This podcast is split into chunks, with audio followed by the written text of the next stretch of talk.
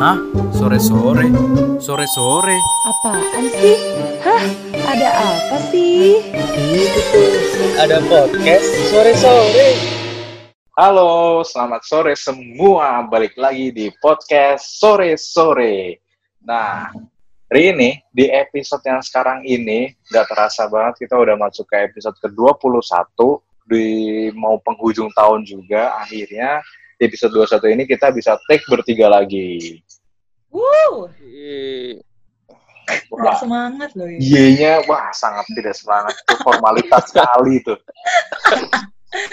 Asik. Nah, pada hari ini kita akan membahas mengenai suatu hal yang mungkin uh, banyak yang mengalami sekarang ini karena ya beberapa keadaan yang emang sekarang di semua bidang ini lagi susah-susahnya, kemudian banyak keterpurukan baik itu di perusahaan, kemudian uh, bidang usaha yang mandiri ataupun usaha-usaha lainnya ataupun dari uh, psikologis ataupun fisiologis seseorang. Nah, pada hari ini kita akan membahas mengenai job seeker di era pandemi. Ngomongin soal job seeker. Ada nggak sih Hmm. orang-orang di sekitar kalian yang mengalami hal ini sekarang ini di emang ya job seeker sendiri? Kalau bukan di era pandemi aja, kita bertiga yang mengalami udah susah ya. Apalagi sekarang ini yang eranya emang lagi drop banget. Ada nggak sih teman-teman kalian atau saudara kalian yang merasakan hal yang sama? Gue gue termasuk orang yang kena dampak tahu di pekerjaan sebelumnya. Oh iya benar. heeh. Jadi gue tuh Oh, iya. kantor gue kantor gue yang sebelumnya Iya, itu kantor yang sempet dirumahkan. Mm-mm. Hmm, Dirumahkan itu artinya tidak digaji, tapi gue tetap terhitung sebagai karyawan Pegawai. gitu kan. Betul. Nah, Oh gitu. karena iya nggak digaji di Maret bayangin Maret, April, Mei, Heeh. Mei gitu kan. Digajinya sama Eh, emang boleh nyebut merek? ya ntar tinggal disensor. Oke, boleh. Ini kan nggak live Gue- kenapa? Sorry, sorry. live. Pokoknya itu gue gue ngalamin nih ya, ngalamin ngalamin eh, rasanya tiba-tiba dari yang punya duit. Kalau gue kan kondisinya dari orang yang bergaji terus tiba-tiba nggak punya gaji, itu kan berat banget. Terus gue harus nyari kerja, saingan gue adalah anak-anak fresh grad, di mana anak-anak fresh grad kan hitungannya anggapannya ya anak-anak fresh grad itu bisa dibayar dengan harga murah gitu kan. Maksudnya harga standarnya anak fresh grad sedangkan gue kan kalau gue nyari kerja kan gue gak mungkin ngasih harga anak fresh grad gitu kan. Nah waktu itu pokoknya gue merasa saingan gue adalah anak-anak fresh grad ini. Nah tapi bersyukur akhirnya keterima kerja nih di tempat yang sekarang. Nanti mungkin gue bakal share-share juga gimana proses di- gue direkrut di era pandemi inilah gitu. Gue Hmm. termasuk adalah orang yang mengikuti uh, proses di era pandemi gitu. Oh. Kalau di kalian, kalian teman-teman kalian ada yang sekarang masih jadi job seeker gitu misalnya? Hmm, kalau yang temen deket ada sih teman saya emang tapi sekarang teman saya ini lagi fokus di jualan ikan ya. Gue Ya. tahu siapa. Dia emang sekarang lagi job seeker juga. Cuma saya me- meragukan usahanya dia sebenarnya. Jadi Jangan gitu tahu. dia sedih banget dia kemarin bilang diri dia kerjanya kuli. Kasihan. Emang emang kasihan deh. Ya Udah kita mungkin bisa bahas sama dia nanti ya. Oh iya iya. Tem- Temenmu Dipo ada nggak? Ada nggak ya? Nggak ada sih. Kayak Saudara mungkin. Saudara, iya. Saudara. Nggak ada. Kakakku juga udah kerja. Saudaraku ada loh. Adik Adik kandungku sendiri. Oh. iya makanya. Gimana Grace? Oh, adikmu udah lulus tuh, Grace? udah dilulus dari tahun lalu terus kan akhirnya dia pokoknya sampai sekarang dia masih nyari kerja dia kasihan belum dapet dapet Kata dia gimana Mas-? Susahnya di era kayak gini Grace. susahnya ya itu kan satu pastinya nggak segampang itu untuk apa ya maksudnya lowongan itu nggak begitu banyak gitu dia bilang Hmm. kan dia dia juga ngelihat kan kok nggak begitu banyak ya yang bukaan itu dari sudut pandang dia ya kan gue nggak tahu ya Eh, Hmm. banyak banyak yang nggak bukaan udah gitu prosesnya kan sekarang semuanya rata-rata kebanyakan adalah online pun kalau nggak online dia yang terbatas untuk ke mana-mana katakanlah kayak kalau gue dulu misalnya nih gue dari Jakarta gue misalnya mau ke Bandung gampang kan kalau misalnya ada panggilan di Bandung nah Hmm. dia kan terbatas dia cuma bisa di kota yang dia berada sekarang gitu loh jadi Hmm. banyak deh batasan-batasannya kalau ada gue sih gitu Oh Hmm. iya sih. Emang sih, emang ya itu kayak salah satu kesusahannya apabila dibandingkan dengan era yang normal-normal sebelumnya pasti secara Iya. mobilitas juga akan menghambat si calon kandidatnya itu. Nah, kalau di tempatku tuh mungkin karena masih di kota kota kecil ya. Jadi kan masih terus buka lowongan kerja di perusahaanku tuh. Karena Jadi- produksi masih jalan. Bener, produksi masih jalan. Dan lucunya di perusahaanku tuh malah anomali gitu. Kita malah produksi tuh malah lebih banyak sekarang. Jadi karena pandemi ini justru orderan produksi tuh malah lebih banyak. Oh iya, Iya, karena mungkin asumsinya kan kompetitor kita kan dari berhenti. mereka kan dari Cina ya gitu. Hmm. Nah mungkin karena kena pandemi ini salah satunya berdampak juga ke perusahaan mereka kan gitu. Nah Jadi- alhasil jadi bahkan sampai targetnya marketing tuh sempat diturunin di awal semester itu, Hmm. sempat diturunin dari berapa ratus ton gitu ke sekian ratus ton gitu kan. Nah ternyata di bulan November itu sudah terpenuhi, terpenuhi yang bahkan target awal yang diturunkan itu. Oh, kan ini masih target ada awalnya Desember sebelum kan. COVID. Ah, masih ada di bulan Desember. Jadi kayak lebih-lebih gitu malah sekarang. Hmm. Dan akhirnya ya kayak gitu. Kita tetap buka rekrutmen walaupun standar penjagaan COVID-nya ya tetap kayak misal pakai masker, jaga jarak kayak gitu-gitu tetap. Hmm, tapi berani ya ngundang orang luar gitu. Nah, orang gitu. asing. Karena kita penjagaannya masih pakai apa namanya? deteksi suhu itu Hmm. baru baru baru gitu doang deteksi suhu terus yang pasti ketika di pos satpam dipastikan kalau kandidatnya sehat terus sudah masuk sesuai protokol gitu Oh, Oke. Kalau di Don, oke. Sebenarnya gue masih gambaran dulu ya. Mungkin uh, di pandemi ini mungkin tidak hanya orang secara individu aja yang dirugikan. Perusahaan pasti juga beberapa perusahaan banyak perusahaan yang pasti mengalami kerugian juga. Karena misal mungkin di beberapa perusahaan mungkin ber- beruntungnya perusahaan Dipo karena kompetitornya dari luar ya. Salah satu kompetitor Bener. terkuat. Nah, mungkin di perusahaan yang memang kompetitornya antara perusahaan di Indonesia sendiri pasti akan susah juga mungkin di beberapa perusahaan yang nggak kuat yang akan jatuh duluan. Dan pun dari pandemi ini pasti kan juga berdampak pada banyak orang yang mulai ada pengurangan pegawai, Hmm. pegawai di rumah kan kayak Gris tadi. Jadi memang dampaknya akan Mm-mm. semakin banyak. Pun juga sekarang ini tidak hanya perusahaan swasta, pasti perusahaan-perusahaan pemerintah pun banyak yang sangat mengalami kesusahan dalam hal ini karena ya segmen pasarnya juga akan berubah pasti karena pandemi ini. Nah terus kalau ngomongin tentang perusahaan nanggepin rekrutmen ini kalau di perusahaan gue sendiri sebenarnya uh, untuk sekarang masih diberlakukan zero growth untuk pegawai. Jadi memang untuk belum ada rekrutmen Hmm. untuk sementara ini karena memang dari skop pekerjaan juga belum mulai bertambah. Baru akhir-akhir ini sih karena mau pergantian tahun jadi ada beberapa proyek baru uh, Hmm. untuk penambahan dan proyek-proyek yang mungkin ya sifatnya strategis nasional ya. Nah itu memang Hmm. dari perusahaan sih memang belum ada rekrutmen. Kita masih memanfaatkan orang-orang di internal sendiri yang harus dimanfaatkan lebih sih gitu. Dan mungkin aku gue rasa banyak perusahaan yang kayak gitu sih memanfaatkan talent-talent Iya internal sih. dulu melakukan rekrutmen internal, Mhm. internal buat ngisi suatu posisi apabila emang urgent banget karena beresiko ya resiko kalau di gue ya, kalau di gue sih malah kalau lagi sekarang ini pandemi ini ada pengurangan gitu. Misalnya katakanlah kalau kalau dulu kita rekrut rutin gitu kan permintaannya banyak gitu. Kalau sekarang tuh memang permintaannya dibatasi. Nah, Hmm. dan perusahaan tuh jadinya akhirnya menciptakan apa ya eh, berupaya untuk tetap merekrut orang caranya gimana tapi di tengah pandemi ini. Jadinya kita punya psikotes online sekarang. Oh ada gitu. psikotes online. Jadi iya jadi nggak perlu nggak perlu manggil orang ke office. Kita ada ada psikotes online-nya lengkap gitu. Terus nanti dilanjutkan interviewnya by zoom kan gitu sih sekarang. Kalau Hmm. di perusahaan gue. Tapi psikotesnya paling psikotes psikotes yang basic ya guys Eh, apa ya? Oh iya basic basic sih basic tapi itu yang memang kita pakai sih emang untuk oh untuk rekrutmen Nah, kan tadi kita udah ngomong nih, kita udah ngasih gambaran ke pendengar juga bagaimana kondisi perusahaan di era pandemi ini memang uh, kenapa kok akhirnya dikatakan job seeker pada era pandemi ini lebih susah daripada era-era biasanya karena memang dari kebutuhan perusahaan Hmm. sendiri tidak terlalu banyak. Banyak pun hanya mencakup Betul. pasti beberapa jabatan spesialis, gue rasa pasti Hmm. Sangat dibutuhkan itu. Berarti itu fakta ya?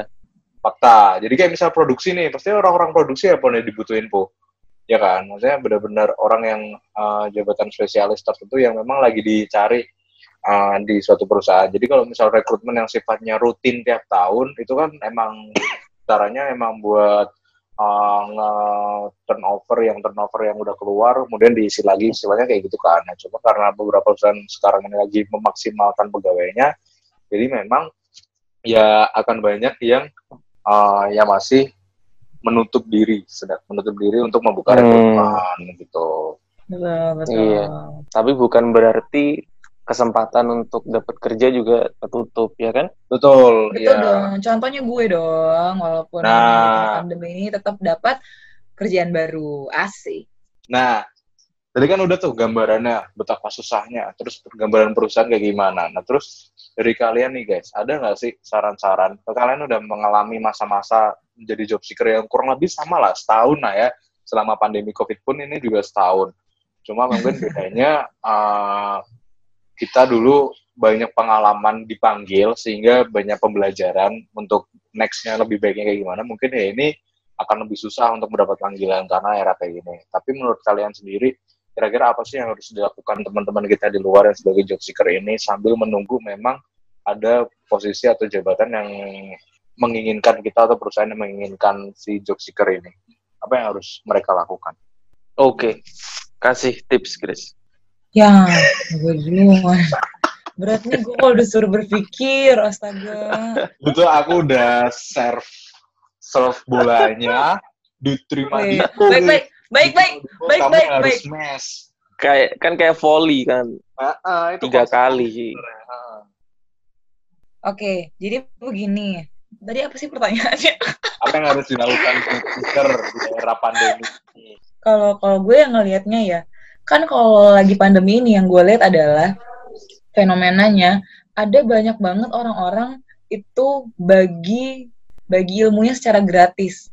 Lihat nggak? Kayak Banyak, eh, orang bikin seminar A, B, C, D, E Hmm. gratis online gitu kan. Sedangkan kalau misalnya Hmm. zaman dulu sebelum pandemi, kalau kita mau ikut seminar kan bayar ya, Ya, Bener. pasti bayar. Bahkan seminar di kampus aja bayar. Tapi coba lihat sekarang, seminar tuh banyak banget yang gratis dan online gitu kan.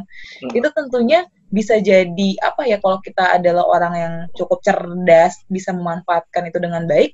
Ayo kita pilih aja nih teman-teman job seeker, ayo kita pilih mana nih seminar-seminar yang sesuai untuk kita, yang bisa meningkatkan skill kita, bisa mempercantik CV kita, bisa mempercantik diri kita di depan eh, rekrutmen nanti gitu kan. Karena, karena banyak banget gitu. Katakanlah untuk anak-anak kita, kita kan psikologi ya ini ya yes. banyak banget tuh eh, katakanlah misalnya eh, penggunaan alat tes bla bla bla bla bla yang harganya jadi turun tadi tadi gendon tuh baru Ya, benar. BI ya. Iya, harganya tuh lagi turun-turun banget semua kalaupun yang berbayar. Yang gratis misalnya public speaking tuh banyak banget gratis dan itu Yes. berguna banget ya buat teman-teman yang mau eh, nyari kerja public speaking itu penting banget. Hmm. Banyak deh kalau mau sih kalau menurut gue ya itu tuh dimanfaatin tuh seminar-seminar gratis di era pandemi ini. Ya. Terus temen gue sempet cerita temen gue tuh dokter kan ya temen gue Hmm. yang dokter biasa kan dokter itu mereka itu harus eh, kayak sekolah bukan sekolah spesialis tapi ngambil kelas kursus gitu loh biar mereka certified sertifikasi Hmm.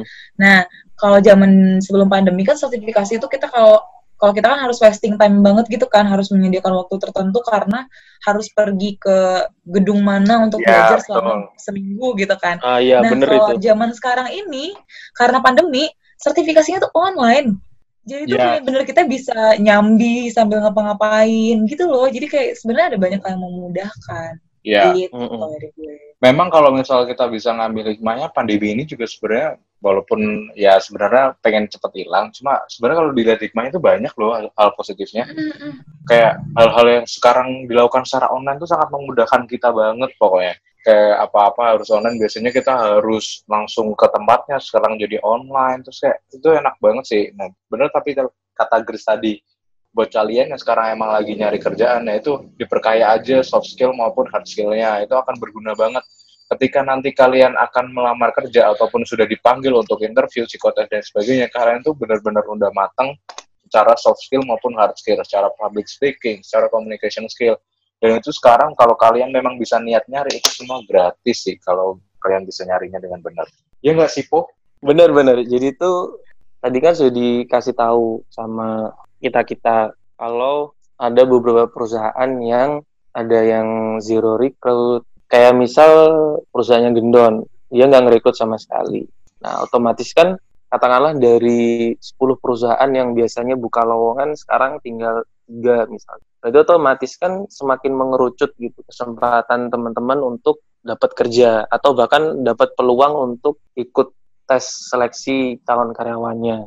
Nah, ketika sudah tahu kalau misal chance-nya itu semakin sedikit, nah berarti kan satu-satunya cara yang bisa dilakukan teman-teman adalah mempersiapkan bekal sebaik mungkin. Yang tadi sudah dibilang sama Gris sama Gendon, banyak banyakin ikut pelatihan, banyak banyakin cari ilmu, banyak banyakin apa ya, difokuskan lebih untuk memperbaiki diri. Nah, Hmm. kalau dari aku sih seperti itu sebetulnya. Sehingga nanti ketika teman-teman mendapatkan kesempatan itu, kesempatan untuk dipanggil, ya teman-teman udah siap gitu. Jadi nggak kayak, waduh tahu gini, aku nyiapin ini tuh, ini tuh. Jadi kayak kecewa di belakang gitu kan rugi. Sedangkan chance sekarang untuk Iya, dapat atau bahkan dipanggil untuk proses tes itu makin kecil. Jadi gunakan waktu luang kalian sebaik mungkin. Nah, kalau saran aku sih kayak gitu. Nah, benar sih itu. Uh, sebenarnya ini juga tidak hanya berlaku untuk teman-teman yang, yang fresh grade ya, tapi juga teman-teman yang mungkin uh, terkena dampak dari pandemi ini juga bisa melakukan hal yang sama, menambah uh, ilmu-ilmu tersebut.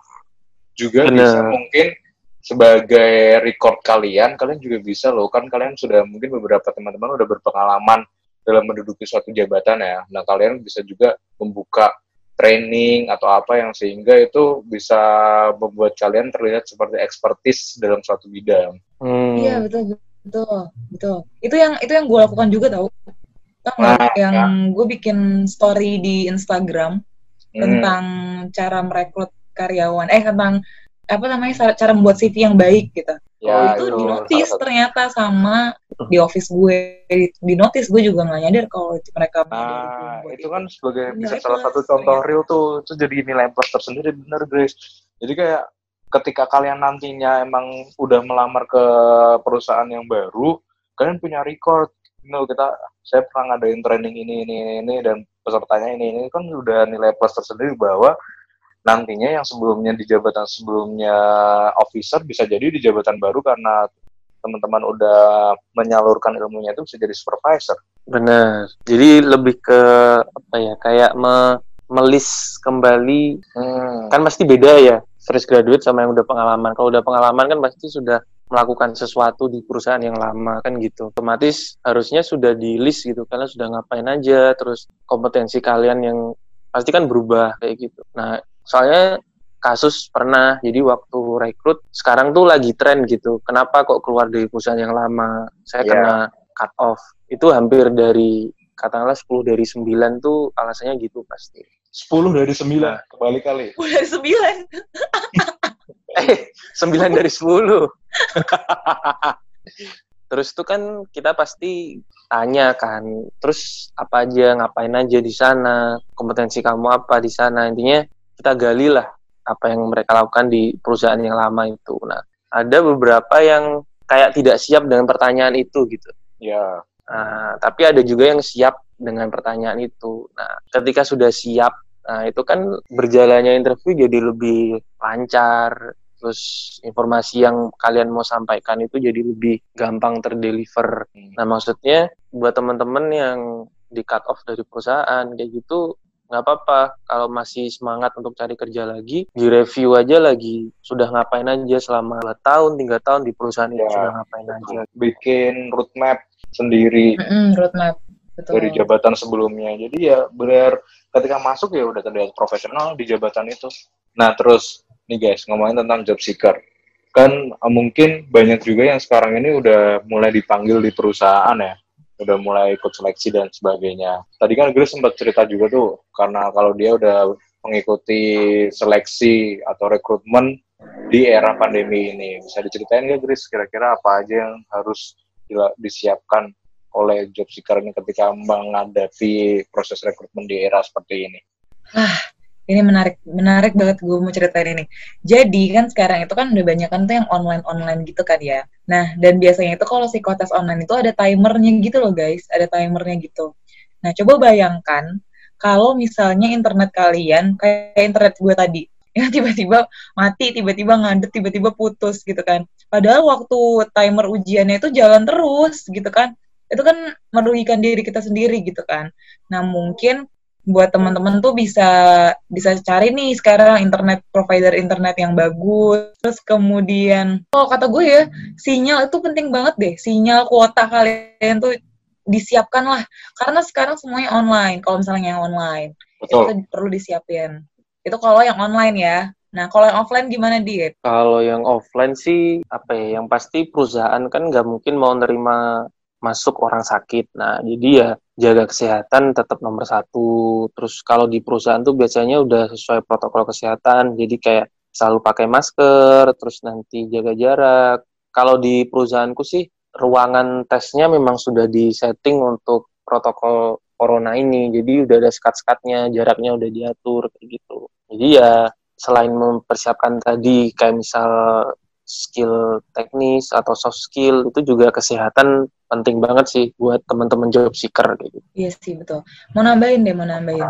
Kalau teman-teman yang job seeker ini nantinya katakanlah keterima kerja gitu kan, eh, yang perlu disiapkan lagi adalah mentalnya. Kenapa? Karena nanti ketika kerja di di masa pandemi ini, khususnya teman-teman yang dapat keterima kerjanya di Jakarta nih ya, itu nanti kalian bakal masuk kantornya mungkin bakal sepi kalian mungkin bakal apa namanya jadi nggak punya temen dulu gitu. Karena karena jarang ketemu orang gitu. Bahkan teman setim aja kita gantian gitu kan waktu masuknya.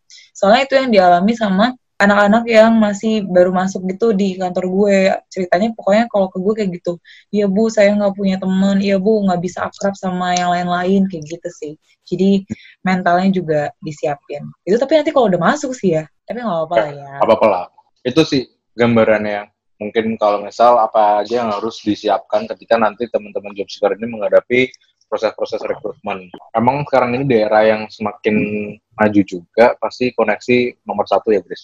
Betul. Oke, tadi kan kita udah berbagi beberapa hal juga, kemudian untuk tips juga secara tidak langsung, tadi kita udah share juga beberapa ya mungkin yang bisa dikonklusikan di episode ini adalah untuk tipsnya mungkin dari teman-teman yang fresh grade ataupun yang enggak selama era pandemi ini selama emang belum ada kesempatan untuk masuk ke perusahaan yang baru atau mungkin mendapatkan pekerjaan yang baru itulah perkaya skill kalian baik hard skill, hard skill maupun soft skill jadi ketika nanti kalian masuk di perusahaan yang baru itu udah mantep juga. Pertama buat teman-teman yang fresh grade nih, buat teman-teman yang fresh grade, nanti kan kalian selama kuliah kan cuma hanya dapat ilmunya, belum prakteknya. Kalian juga bisa tuh kayak misal ikut-ikut yang simpel-simpel aja yang secara online. Sekarang juga banyak kok hal-hal kayak gitu. Terus kemudian mungkin mulai dirubah juga mindsetnya yang sekarang jadi job seeker bisa menjadi job creator. Jadi kalau kalian punya beberapa keahlian kayak misal berwirausaha atau mungkin kalian punya public speaking yang bagus, bisa tuh kalian buka training-training atau mungkin kalian menjadi pembicara di suatu webinar atau apa pun yang mungkin ya itu masih terlalu tinggi sih, tapi ya sekarang harus mulai merubah mindset untuk menjadi job creator juga.